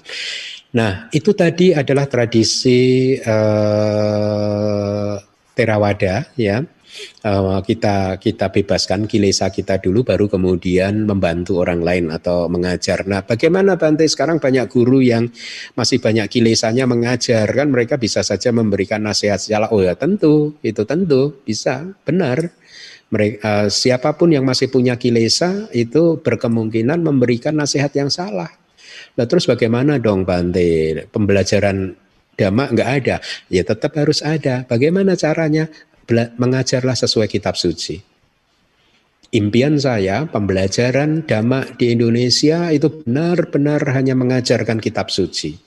Tetapi saya sadar untuk bisa sampai ke tahap itu butuh proses yang panjang karena artinya semua guru harus benar-benar memahami kitab suci dan itu tidak mudah. Prosesnya panjang, tetapi paling tidak saya memberitahu hal seperti ini supaya bisa menjadi acuan bahwa kita harus menuju ke arah sana. Seperti di Myanmar, seperti di negara Buddhis, ya. E, kalau Anda e, pernah ke Myanmar, Anda akan tahu bagaimana ceramah para seado di sana meskipun sudah seado-seado yang hebat, ya mungkin yang sudah uh, sering ke Indonesia, itu Anda perhatikan, beliau-beliau berceramah benar-benar sesuai dengan kitab, tidak menginikan pendapat-pendapat pribadinya. Harusnya kita seperti itu, tetapi sekali lagi memang untuk bisa sampai ke tahap itu membutuhkan syarat komitmen yang panjang dari gurunya untuk menghafal kitab suci, untuk memahami bahasa Pali dan lain sebagainya dan lain sebagainya. Itulah mengapa saya selalu sebenarnya mendorong bagi guru-guru ajarkanlah sesuai kitab suci saja. Kenapa? Karena itu baik bagi guru yang bersangkutan, baik juga bagi yang mendengarkannya itu ya. E, baik bagi guru yang bersangkutan karena dia bisa terhindar dari memberikan nasihat yang sesuai dengan pikiran-pikiran dia sendiri yang masih penuh dengan kilesa baik juga buat umat karena dia mendengarkan ajaran-ajaran yang ada di kitab uh, suci sehingga guru dan murid bisa sama-sama meniti karir, meningkatkan karir spiritual di setiap uh, di kelahiran di dalam samsara kali ini, begitu ya. Nah, uh, kalau begitu Bante, jadi harus menghancurkan kilesa dulu. Kenapa para Bante kok uh, sibuk mengajar ya. Tidak terhindarkan ya. Bahkan di negara Buddhis pun juga seperti itu. Di Myanmar juga para bante juga uh, mengajar. Tetapi kalau di Myanmar itu kan para bante mengajar kitab suci ya. Jadi aman-aman saja. Dan biasanya para bante di Myanmar itu mempunyai waktu secara uh, tetap di dalam setiap tahunnya kapan dia harus retret minimal tiga bulan. Begitu dia akan retret gitu. Jadi demikian akhirnya itu ibaratnya kayak jalan tengah gitu karena kalau dhamma ini mungkin ya eh, bayangkan saja, bayangkan saya ini uh, lulusan uh, International Theravada Buddhist uh, Missionary University di Yangon ya. Yang ketika mendaftar di sana saya tidak mempunyai pengetahuan dharma sama sekali ya. Yang saya ingin sampaikan adalah bayangkan seandainya tidak ada universitas itu ya maka akan banyak sekali orang yang tidak paham dhamma ya orang yang nggak paham dhamma akan ke mana untuk belajar begitu. Ya akhirnya uh, untung ada ITBMU sehingga saya bisa belajar di sana dan akhirnya bisa mengetahui ajaran Buddha dan uh, bisa berlatih sesuai dengan petunjuk kitab suci kemudian ke, sekarang membagikannya uh, kepada Anda. Jadi tetap saja sih pengajaran itu uh, penting karena sesungguhnya ini juga yang membuat sasana ini bisa bertahan lama ya sasana titya panak pariyati pemanang ya sasana titya Uh, untuk stabilitas sasana, tolok ukurnya adalah pariyati. Ya, pariyati tetap harus disebarkan. Tapi pariyati yang aman haruslah pariyati yang ya kita guru hanya menyampaikan apa yang ada di kitab suci saja itu aman aman.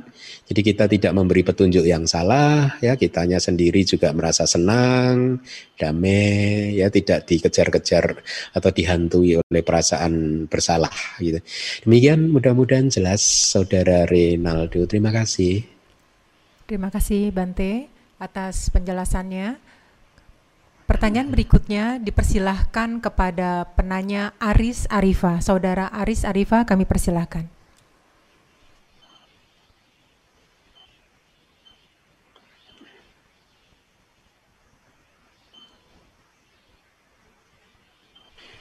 Bisa lebih lama lagi gitu. Oh, oke okay, oke okay, oke. Okay. Kalau nggak salah untuk meningkatkan supaya bisa lebih lama lagi ya. Iya, Bante. Oke, okay, oke. Okay. Baik, baik. Terima kasih. Pada hakikatnya meditasi itu adalah uh, melepas ya, letting go off gitu. Jadi pertama Anda jangan lekati karena pelekatan itu sendiri malah yang menghambat progres ya.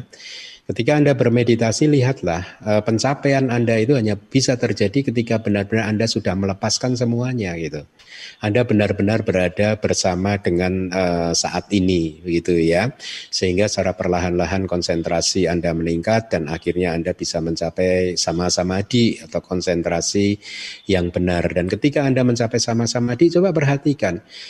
Hal itu hanya akan bisa bertahan lama ketika Anda benar-benar bisa melepasnya, ya. Jadi lepaskan semuanya, jangan mengharapkan apa eh, bahkan sebelumnya eh, sebelum mencapai sama-sama di juga jangan berharap ini dan itu begitu dan seterusnya.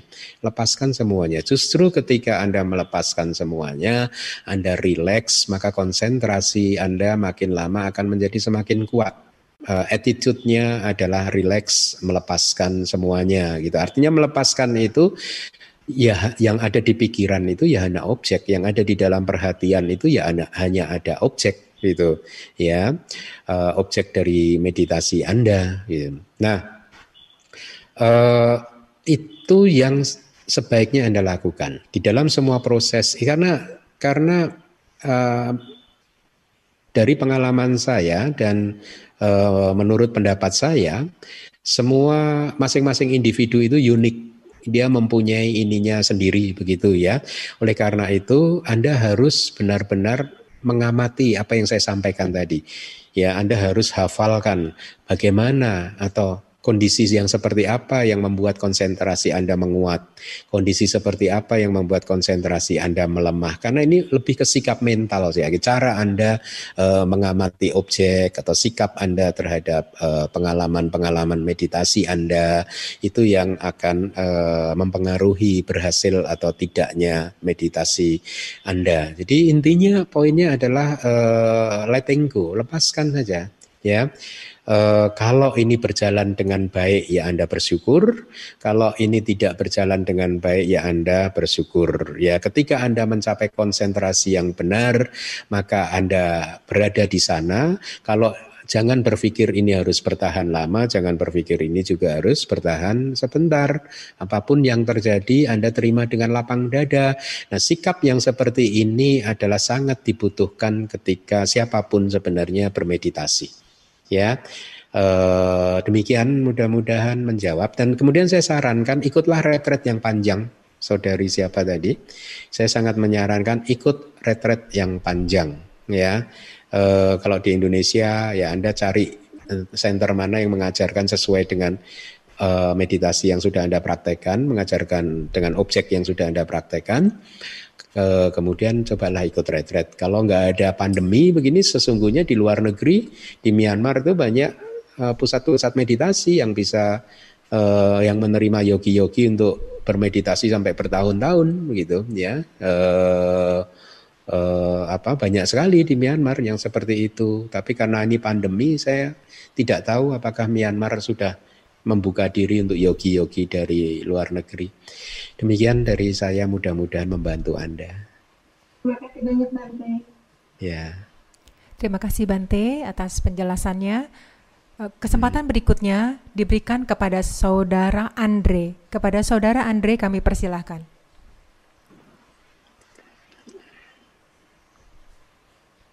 Menami Bante. Perkenalkan, uh, aku Andre sama mungkin hari ini aku mau nanya sedikit mengenai hmm, keseharian, uh, lebih ke arah perasaan duka. Di saat perasaan duka, di saat perasaan duka muncul, uh, dapat dirasakan uh, kita sudah ber, kita sudah melakukan pemikiran bahwa uh, anicca ini hal tersebut tidak berlangsung selamanya. Tapi karena kita memperhatikan hal tersebut, ada satu bentuk perasaan yang tidak nyaman, terutama uh, di di dalam batin, di dalam da daerah dada seperti itu. Nah, uh, mungkin pertanyaan saya lebih ke arah apa yang harus dilakukan jika uh, perasaan tersebut muncul, Bante. Terima kasih, Bante. Iya, uh, baik, Andre. Uh, ada banyak cara, ya. maaf, ada banyak cara ya. Ketika perasaan duka itu muncul, Memang sangat sulit untuk bisa memahami uh, muncul dan lenyapnya perasaan duka di dalam kehidupan sehari-hari, Andre. Kenapa sulit? Karena di dalam kehidupan sehari-hari bagi kebanyakan orang itu sati dan konsentrasinya tidak cukup kuat, ya, tidak cukup berkembang. Perhatian penuh dan juga konsentrasinya tidak cukup berkembang sehingga pengamatan terhadap perasaan duka muncul dan lenyapnya itu menjadi sulit. Apa yang membedakan sati dan samadhi eh, perhatian penuh dan konsentrasi? Perhatian penuh itu adalah eh, satu energi batin atau faktor mental yang membuat batin kita itu benar-benar berhadap seolah-olah benar-benar ada di depan objeknya sehingga objeknya itu benar-benar kelihatan gitu ya. Dan ketika dia berada di depan objeknya, dia mengamati objeknya, perhatian kita itu benar-benar kayak masuk ke dalam, tenggelam begitu, tidak hanya di permukaan saja. Itu seperti buah yang tenggelam di sungai. Jadi dia benar-benar berada di dalam objeknya begitu. Sehingga kadang kalau ketika seseorang itu retret, itu kadang dia sudah uh, sulit untuk membedakan antara objek dan perhatian penuh karena seolah-olah sudah bersatu gitu. Ya. Nah, itu kualitas dari perhatian penuh atau sati atau mindfulness. Yang baik harusnya seperti itu. Kualitas samadhi itu adalah eh, faktor mental samadhi, eh, ekagata, konsentrasi atau kemanunggalan itu seperti sesuatu yang membuat semua batin kita itu benar-benar bersatu dengan objeknya gitu ya. Dia kayak kayak menjadi satu dengan objek tidak sama dengan sati tadi tetapi lebih kepada uh, ilustrasinya seperti ini. Ada butiran tepung butiran tepung yang kemudian tiba-tiba disiram air yang secukupnya maka semua butiran tepung yang tadinya tercerai-berai dia bersatu Nah, itu konsentrasi. Dengan kata lain, ketika konsentrasi itu sudah seperti itu, maka objeknya itu tidak lepas tidak gampang lepas sehingga karena tidak lepas seperti seolah-olah objeknya itu apa uh, menyatu ya dengan demikian pengamatan menjadi jelas ya nah tetapi di dalam pengamatan anicca ya tidak kekal menjadi jelas tapi di dalam kehidupan sehari-hari kebanyakan orang yang belum terampil uh, atau sati dan samatinya belum sering dikembangkan dia uh, mereka akan kesulitan untuk mengamati itu. Oleh karena itulah ya cara lain untuk mengatasi perasaan duka yang muncul yaitu ada banyak cara. Salah satu cara yang paling mudah adalah diganti objeknya ya. Objeknya diganti artinya dengan bahasa sehari-hari jangan dipikirkan terlebih dahulu. Karena perasaan duka itu muncul hanya ketika dia memikirkan satu hal tertentu ya misalkan nih seseorang eh, atau anak muda diputus pacarnya ya. Ketika sudah putus pacaran ketika memikirkan pacarnya mungkin perasaan duka akan selalu muncul. Nah oleh karena itu pikir, diganti objeknya. Jangan mikirin sesuatu yang bisa membuat perasaan duka itu muncul begitu ya. Di dalam kitab komentar diberi ilustrasi seperti ini Andre Ibaratnya kalau kita tahu bahwa kita berjalan ke arah sebelah kanan, di sana ada ular yang berbisa, maka ya kita jangan coba-coba berjalan belok kanan. Ya, kita harus berjalan lurus atau ke arah yang lain selain arah yang belok kanan tadi. Kenapa? Karena belok kanan sudah jelas kita tahu di sana ada ular berbisa dan risikonya adalah nyawa kita. Maka jangan coba-coba ke sana kalau nggak mau sakit gitu. Kita ambil jalan yang lain. Nah, ketika kita tahu bahwa ketika batin ini sedang memikirkan sesuatu tertentu, perasaan duka muncul, ya jangan dipikirkan. Jangan dipikirkan, ya.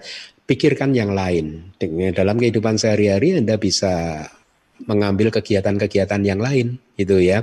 Jadi harus disiplin, harus teguh gitu ya. Setiap kali pikiran itu muncul, objek pikiran itu muncul, singkirkan ganti yang lain singkirkan ganti yang lain. Muncul singkirkan lagi ganti yang lain, muncul singkirkan lagi ganti yang lain. Ya, lama-lama kamu akan terampil. Anda akan terampil untuk bisa menghalau objek tersebut. Nah, untuk tahapan yang awal, cara seperti ini sangat eh, bagus sekali, sangat dibutuhkan untuk tahapan yang awal. Ya kenapa? Karena ketika Anda sudah bisa terampil untuk mengusir objek dan menggantinya dengan objek yang baru, paham ya? Maksudnya begini, ketika uh, oh, ketika saya memikirkan si A, saya sakit hati. Yes, untuk saat ini jangan dipikirkan. Ketika si, si A muncul dalam pikiran, ya harus diusir, diganti, kita mikirin yang lain. Kita cari kegiatan yang lain supaya lupa dulu dengan si A itu ya. Nah, cara ini akan sangat bermanfaat ya eh, bagi kebanyakan orang. Kenapa? Karena kalau kita disiplin mengusir pikiran itu, nanti lama-lama si A itu sudah tidak menjadi menakutkan lagi seolah-olah dalam tanda kutipnya Andre begitu. Ketika si A ini sudah tidak menakutkan lagi atau sudah tidak membuat kecewa lagi atau Anda Andre sudah bisa menerima uh, si A ini dengan lapang dada, maka perasaan duka cita tidak muncul ya sehingga akan tiba satu masanya nanti Andre akan berterima kasih kepada objek A tadi. Oh saya berterima kasih uh, kepada objek tersebut. Seandainya dulu uh, tidak ada objek tersebut, maka hari ini saya tidak akan seperti hari eh, saya yang hari ini, begitu ya. Saya uh, saya tidak akan menjadi orang yang sebijaksana hari ini, atau bahkan mungkin saya tidak akan menjadi orang yang sesukses hari ini, begitu ya.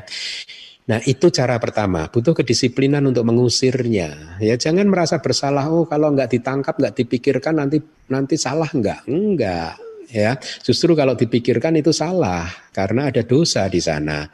Ya dosa itu salah satu arti dosa itu juga kesalahan.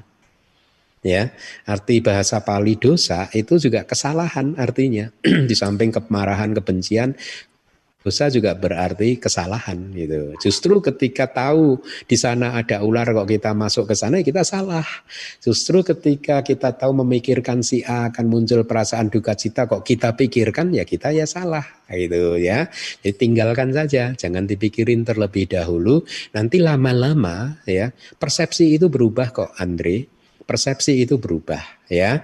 Saat ini perasaan duka cita itu muncul karena persepsi terhadap si A itu masih negatif. Ya, persepsi terhadap objek A itu negatif. Tapi ingat-ingat kata-kata saya, persepsinya Andre berubah. Hari ini masih menganggap objek itu negatif, tapi percayalah nanti suatu hari nanti Andre Anda akan menganggap objek itu positif. Ya. Jadi jangan melekat ya jangan melekat ya karena ini masalah persepsi. Atau dengan contoh yang lebih mudah begini Andre. Kalau Andre memakai kacamata yang lensanya hijau maka ke mana pun Andre melihat yang terlihat hanya pemandangan yang warnanya hijau. Tetapi ketika Andre merubah dengan menggantinya dengan kacamata yang lensanya berwarna merah, maka ke mana pun memandang, maka yang pemandangan yang terlihat hanyalah warna merah. Nah pertanyaannya coba Andri renungkan, yang salah itu, oh, yang salah itu dunia luar yang tampak hijau merah tadi atau kacamata kita. Atau dengan kata lain bahan perenungannya kesan dunia bagaimana kita kita menilai orang lain bagaimana kita menilai dunia itu sangat tergantung oleh kacamata kita kalau kacamata hijau ya dunia tampak hijau, kalau kacamata merah tapi ya dunia tampak merah. Padahal dunia itu ya seperti itu saja, objek-objek ya seperti itu saja. Tetapi kesannya menjadi berbeda karena persepsi kita berubah-ubah ya. Jadi kalau duka cita itu muncul karena persepsinya masih negatif, nggak apa-apa, sabar saja. Toh eh, nanti akan berubah. Tidak ada persepsi yang kekal. Kalau Andre ingat-ingat pengalaman kehidupannya sampai hari ini, banyak kan persepsi-persepsi Andre yang sudah berubah kan, baik itu dari negatif ke positif maupun positif menjadi negatif. Intinya semuanya berubah begitu. Nah itulah anata, berada di luar kendali kita. Oleh karena itu jangan terlalu serius selalu, karena dia anata, bukan diri, bukan roh, bukan Andre, jangan terlalu serius. Ya, kenapa? Jangan terlalu serius itu maksudnya apa? Ya sudah kalau duka cita ini sedang muncul, anggap saja itu anak nakal. Temannya Andre yang nakal, yang sedang muncul, oh ini nakal ya sedang muncul ya. Seperti seorang ibu yang memandang anaknya yang nakal, dia tidak terganggu, ya. Dia tidak semua ibu ketika melihat anaknya sedang nakal ke sini sana lari sana sini dia dia tidak terganggu. Dia melihatnya anak saya lagi nakal. Anggap saja itu anaknya Andri itu lagi nakal, perasaan duka itu. Nah, ketika kita sudah bisa menyikapi itu dengan tidak serius ya, tidak serius seperti itu tadi, santai saja, rileks saja, maka beban itu menjadi ringan Andre ya Sebenarnya beban kehidupan, masalah kehidupan apa pun itu juga menjadi berat karena pikiran kita. Karena kita menyikapinya terlalu tegang, terlalu serius. Anggap santai aja, semua santai aja. Memang kehidupan itu nggak jelas seperti ini. Anggap memang hidup itu nggak jelas. Kadang enak, kadang nggak enak. Kita mengharapkan, pas kita mengharapkan enak, yang muncul nggak enak. Itu ya. Selalu sering kali kita yang datang kepada kita adalah sesuatu yang kita tidak harapkan. Ketika kita harapkan tidak datang, ketika kita tidak mengharapkan malah datang. Memang nggak jelas kehidupan itu. Jadi ya santai saja, jangan terlalu serius dan hidup akan menjadi nyaman, Andre. Ketika hidup itu santai saja, ya, relax saja, tidak terlalu serius, sudah anggap saja itu kayak anak kecil itu tadi yang lagi nakal-nakalnya, maka lihatlah banyak beban-beban psikologis yang tiba-tiba lenyap. Ya, nah itu eh, cara yang pertama. Cara kedua ada lagi dengan merenungkan keuntungan dan ketidakuntungannya. Hmm, kalau saya begini terus, untung enggak sih? Ya, misalkan ini misalkan saja ya, eh, kita marah terhadap seseorang yang membuat perasaan duka cita muncul itu karena kita jengkel sama orang lain gitu. Lihatlah, ketika kita marah sama orang lain, kita memikirkan orang lain, bahkan ketika kita di kamar sendirian kita pikirin orang lain itu seolah-olah orang lain, orang yang kita benci itu nyata ada di pikiran kita dan seolah-olah kita ribut atau make apa ya, uh, bertengkar dengan orang tersebut di dalam pikiran kita mungkin maaf kita dalam tanda kutip maaf sekali lagi ya kalau ini terlalu kasar bahasanya memaki-maki orang tersebut di dalam pikiran kita. Kita mungkin mengutuk orang tersebut semoga kamu masuk neraka semoga kamu menderita selama-lamanya gitu gitu ya. Coba bayangkan orang yang kita pikirkan saat itu mungkin dia sedang bersenang-senang dengan teman-temannya ya dia tidak, dia cuek aja dengan pikiran kita, ya. Lihatlah betapa ruginya kita. Kita udah ngomel-ngomel sendiri di dalam batin kita, ya, terhadap orang tersebut. Eh, orang tersebut santai-santai aja, bercanda-bercanda, happy-happy aja dengan kawan-kawannya. Kan rugi kan? Ya. Jadi dengan merenungkan keuntungan dan kerugian dari hal-hal tersebut, maka akan membuat kebijaksanaan kita mudah untuk menentukan mana yang harus kita tempuh, jalur mana yang harus kita ambil begitu, belok kanan, belok kiri atau lurus begitu ya. Nah, kalau kita marah terhadap seseorang, emangnya orang tersebut benar-benar bisa menderita seperti keinginan kita? Enggak juga. Jadi rugi juga sebenarnya kita itu marah mikirin orang lain dengan kemarahan begitu ya.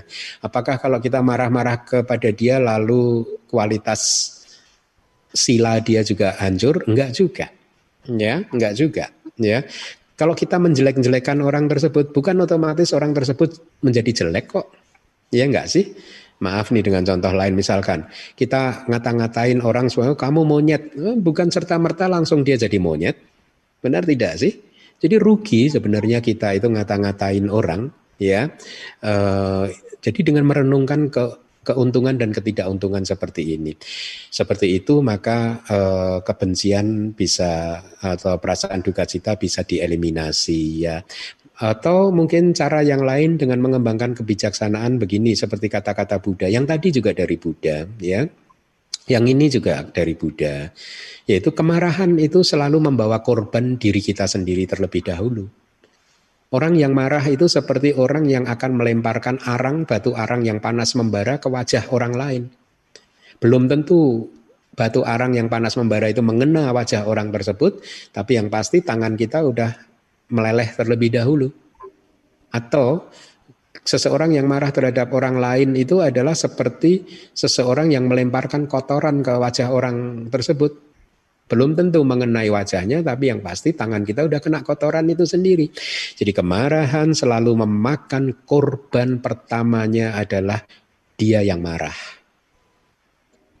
seseorang yang menjadi objek kemarahannya belum tentu jadi korban. Kalau dia bijaksana, gitu. Kalau dia bijaksana, meskipun kita omelin dengan keras begitu, karena dia bijaksana, dia tetap tersenyum. Dia sama sekali tidak sakit hati. Rugi lagi, rugi. Karena kemarahan kita gratis, ya, tidak sampai sasaran, tidak bisa membuat orang yang kita harapkan menderita benar-benar menjadi menderita. Seperti tadi, ibaratnya ketika seseorang mengata-ngatain orang lain, kamu monyet, tidak serta-merta dia jadi monyet, jadi gratis, rugi. Nah dengan demikian maka kebijaksanaan akan mudah untuk uh, menentukan pilihannya harus bagaimana gitu. Uh, sebenarnya ada banyak cara-cara yang lain, tetapi saya rasa itu cara itu uh, cukup efektif. Coba Andre praktekkan. Yang pertama tadi ganti objek, ya jangan dipikirin terlebih dahulu, begitu. Kemudian yang kedua adalah renungkan keuntungan dan ketidak ber, ketidakberuntungannya untuk uh, mengizinkan perasaan duka cita itu menguasai batin kita. Demikian ya, mudah-mudahan berhasil. Jangan khawatir, jangan terlalu serius ya kehidupan memang kayak begini ya. Semua orang itu dapat masalah, ada masalah semua orang ya. Andri punya masalahnya sendiri, orang lain juga pasti punya masalahnya sendiri. Jangan berpikir ke orang lain enak ya. Ingat peribahasa rumput tetangga selalu lebih hijau dari rumput kita ya. Kita nggak pernah tahu kalau ternyata di rumput tetangga itu di dalamnya mereka bertengkar terus, nggak tahu juga ya. Intinya semua orang itu punya masalah ya. Uh, saya sebagai seorang biku juga punya masalah ya. Jadi seseorang itu disebut bijaksana bukan karena dia nggak pernah dapat masalah. Seseorang itu disebut bijaksana karena dia bisa menyikapi masalahnya dengan bijaksana. Dia bisa tersenyum dengan masalah-masalahnya, tidur nyenyak, makan tetap normal, enak, demikian. Ya, mudah-mudahan berhasil Andre. Terima kasih banyak. Mm -mm. Terima kasih Bante atas jawaban pertanyaannya.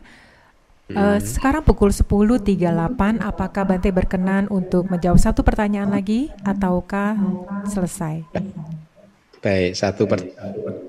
Baik Bante, baik uh, kesempatan terakhir penanya diberikan kepada saudara Teddy Tahir. Kepada saudara Teddy Tahir kami persilakan. Bante, saya saat kita mengamati suka duka netral perasaannya netral artinya uh, ini akan berlalu. Saat suka datang kita kita we just observe it we just observe. It jadi kita hanya melihat tidak tidak melekati ya kalau suka berarti kita bahagia kalau duka datang kita mencerita kalau netral ya kita netral saja biasa. Nah pertanyaannya Bante bagaimana kita mengukur apakah tingkat kebijaksanaan kita itu telah meningkat karena kita sudah mengamati, kita lebih bijak, ataukah itu hanya suatu perasaan yang semu? Kita semakin bijaksana, tapi sebenarnya tidak ada. Lalu eh, berhubungan dengan pertanyaan itu, saya mau bertanya pertanyaan kedua, apakah apakah kita bisa berbagi dengan orang lain, misalnya eh, kita menganggap diri kita jauh lebih bijak ataupun kita memberikan nasihat kepada orang lain, apakah itu dibenarkan, Terima kasih.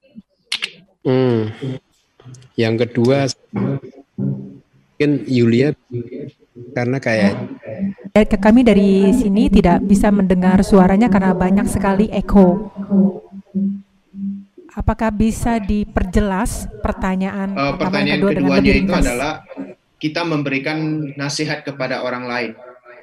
Ya. Uh, dengan keadaan kita yang seperti ini, apakah itu sesuatu hal yang dibenarkan ataukah itu bijak gitu, Bante? Ya, baik, baik. Yang pertama adalah uh, suka duka bukan duka dan bukan pulga. Saya ingin terasi lagi begini. Tadi siapa saudara Teddy ya? Kok ada echo ya? Tes. Iya. Baik.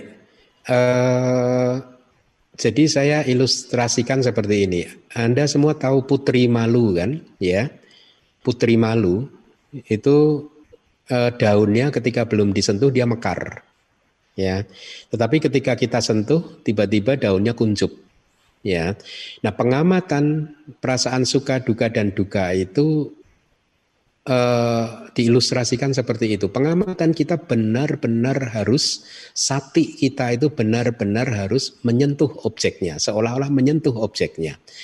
Kenapa harus demikian? Ketika karena ketika kita benar-benar mengamati objek itu seperti itu dengan dekat sekali seolah-olah menyentuh, maka perasaan itu akan seperti putri malu, dia akan menguncup dengan sendirinya.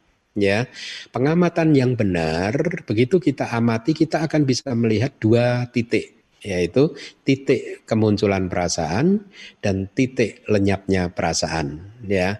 Bahkan kalau anda bermeditasi ya ketika Anda merealisasi pengetahuan wipasana misalkan eh, sama sana nyana itu Anda bisa melihat tidak hanya kemunculan dari fenomena mental ataupun eh, khususnya mental tapi juga kelangsungannya juga kelenyapannya. Jadi ada muncul langsung eh, berlangsung sesaat kemudian lenyap. Tapi di dalam kehidupan sehari-hari agak sulit mengamatinya karena sati dan konsentrasi kebijaksanaan kadang juga di, belum berkembang secara belum dikembangkan secara penuh gitu. Nah, oleh karena itu pengamatan yang benar seperti kembali lagi seperti ilustrasi Putri Malu tadi, ketika kita mengamati dengan benar dia akan lenyap ya. Jadi ini tidak hanya menyangkut atau berkaitan dengan perasaan duka saja yang harus kita lenyapkan. Semua perasaan, apa pun itu juga, semua fenomena mental, ya, apa pun yang muncul harus kita amati sehingga kita bisa melihat muncul dan lenyapnya, begitu, ya. Nah, untuk bisa mengamati yang eh, seperti itu, ya, maka eh, sekali lagi sebenarnya teori itu penting, ya, teori itu penting karena teori itu peta Eh, peta spiritual. Bagaimana kita bisa mengerti bahwa perasaan muncul dan lenyap apabila kita tidak bisa membedakan antara perasaan, persepsi dan juga faktor-faktor mental yang lain gitu ya. Kalau di buku Abidama manual Abidama jilid 2 kalau tidak salah kalau tidak salah di buku jilid kedua ya saya menggunakan perumpamaan 50 uh, eh, berapa kelereng yang berwarna-warni katakanlah ada 38 33 kelereng yang berwarna-warni begitu ya. Uh, kita bisa mengetahui ada kelereng yang berbeda warna karena ada pengetahuan ya. Tetapi karena kalau tidak ada pengetahuan maka kita juga tidak bisa mengatakan bahwa kelereng itu berwarna-warni gitu ya. Nah, untuk bisa mendapatkan data tentang kelereng-kelereng tadi itu itu makanya kembali lagi eh, eh, teori ajaran yang ada di dalam kitab suci itu penting. Karena dari sana kita bisa membedakan antara perasaan dan persepsi tidak mencampur adukkannya bahwa perasaan dan persepsi itu dua hal yang berbeda. Kemudian juga ada lagi kehendak atau cetana itu juga dua hal yang berbeda ya. Kemudian juga ada lagi kontak seperti yang tadi disampaikan itu juga adalah fenomena yang berbeda lagi. Ada 52 fenomena mental plus kesadaran, berarti 53 fenomena mental yang harus kita pahami ciri karakteristiknya perbedaannya. Nah, karena kalau kita tidak memahami ciri karakteristik perbedaannya, kita akan menyatukannya, dianggapnya sama begitu ya. Itulah mengapa eh, kita masih uh, seseorang yang masih belum berhasil memecah-mecah fenomena ini akan sulit untuk bisa melihat bahwa segala sesuatu itu anicca, duka dan anatta. Karena untuk bisa melihat dengan jelas semua itu anicca, duka dan anatta, kita harus mampu memecah-mecahnya fenomena itu sampai ke unsur-unsurnya yang terkecil ya dengan demikian akan kelihatan muncul dan lenyapnya. Nah, dalam praktek sehari-hari dalam kehidupan sehari-hari ya pertama Anda sekarang harus pahami dulu ada tiga jenis perasaan itu tadi. Dan mulai sekarang mungkin siapa pun yang mendengarkan saya dihafalkan perasaan suka itu seperti itu, perasaan duka itu seperti itu, perasaan duka mak suka itu adalah ketika dua perasaan itu tadi tidak ada itu itu itu harus dihafalkan. Anda harus tahu oh itulah perasaan suka. Dan Anda uh, Anda juga harus lihat oh iya perasaan suka ini muncul ketika objeknya menyenangkan. Ya, ini sekaligus juga mungkin memberi tambahan kepada pertanyaan yang terakhir tadi dari Andre ya. Eh, perasaan duka cita, duka muncul karena objeknya tidak menyenangkan, ya. Maka kalau tidak ingin perasaan duka cita muncul, ya gantilah memikirkan objek yang menyenangkan, tapi yang baik. Jangan sampai yang memunculkan keserakahan, ya objek-objek yang baik yang bisa yang objek menyenangkan supaya bisa perasaan sukacitanya muncul ya. Nah, eh, kemudian aduka masuka adalah tengah-tengah dari itu. Ketika Anda sudah memahami ciri karakteristik rasa dari tiga jenis perasaan itu tadi, ya, eh, maka akan mudah untuk mengenalinya. Anda akan tidak Eh, terjebak lagi dalam menggabung-gabungkan banyak hal, misalkan perasaan dan persepsi disatukan. Padahal perasaan dan persepsi berbeda-beda. Ya, persepsi itu kayak bumbunya, ya perasaan itu kayak makanannya. Perasaan jadi enak itu atau makanan itu jadi enak karena dibumbui. Ya, nah perasaan itu jadi enak karena dibumbui juga. Yang membumbui siapa? Eh, persepsi. Ya, oleh karena itu persepsi harus positif sebenarnya. Ketika persepsi itu positif, maka perasaan duka cita lenyap. Ya, perasaannya akan jadi sukacita atau netral yang baik begitu. Ya. Nah, ketika Anda sudah memahami ciri karakteristik dari tiga jenis perasaan itu tadi, maka pengamatan akan benar. Nah, saran saya hmm, yang dilenyapkan tidak hanya perasaan duka cita, apa maksudnya yang diizinkan untuk muncul lenyap itu tidak hanya perasaan duka cita, tapi juga perasaan suka dan juga perasaan yang ketiga ya. Kita harus amati semuanya mereka hanyalah fenomena yang muncul dan lenyap. Berkaitan dengan pertanyaan yang kedua apakah kalau kita berbagi dalam kondisi kita yang belum ini uh, ini cukup bijaksana? Selama selama kita berbagi sesuatu yang baik itu tidak perlu uh, maksudnya harus didefinisikan kondisi yang apa tadi hmm, kondisi yang tidak baik. Kalau misalkan ya uh, ya kita harus definisikan sih kondisi kondisi kita. Misalkan kalau kita berbagi lalu membuat kondisi kondisi kita buruk itu harus didefinisikan seburuk apa terlebih dahulu ya. Kalau seburuk tidak hanya tidak akan menimbulkan penderitaan yang berkepanjangan hanya menimbulkan mungkin kesulitan yang sesaat ya tidak ada salahnya untuk berbagi gitu ya kita harus berbagi gitu dalam kondisi apa pun diusahakan kita itu bisa berbagi karena sesungguhnya hanyalah kebajikan-kebajikan kita itu saja yang bisa mendukung kebahagiaan kita kan sering orang itu kan berpikir bahwa ah kalau kita itu berdana, sering berdana, murah hati, nanti akan jadi miskin. Karena kita ingin kaya, maka kita jangan berdana. Nah, sering orang orang orang uh, keliru berpikir demikian, ya. Menurut dia kekayaan itu didapatkan dengan irit, tidak tidak sering berdana. Salah, ya, salah. Kenapa? Karena kekayaan itu adalah buah karma, ya. Buah karma benihnya adalah berdana. Jadi kalau Anda ingin kaya justru harus berdana malah begitu. Harus sering dana begitu. Nah sama kalau Anda ingin bahagia justru harus sering berbagi, menolong orang lain dan lain sebagainya. Jadi benar-benar kita menyediakan diri kita untuk selalu siap sedia menolong siapa pun. Karena itu adalah kondisi untuk keberhasilan kehidupan dan juga kebahagiaan Anda. Demikian mudah-mudahan cukup jelas. Terima kasih.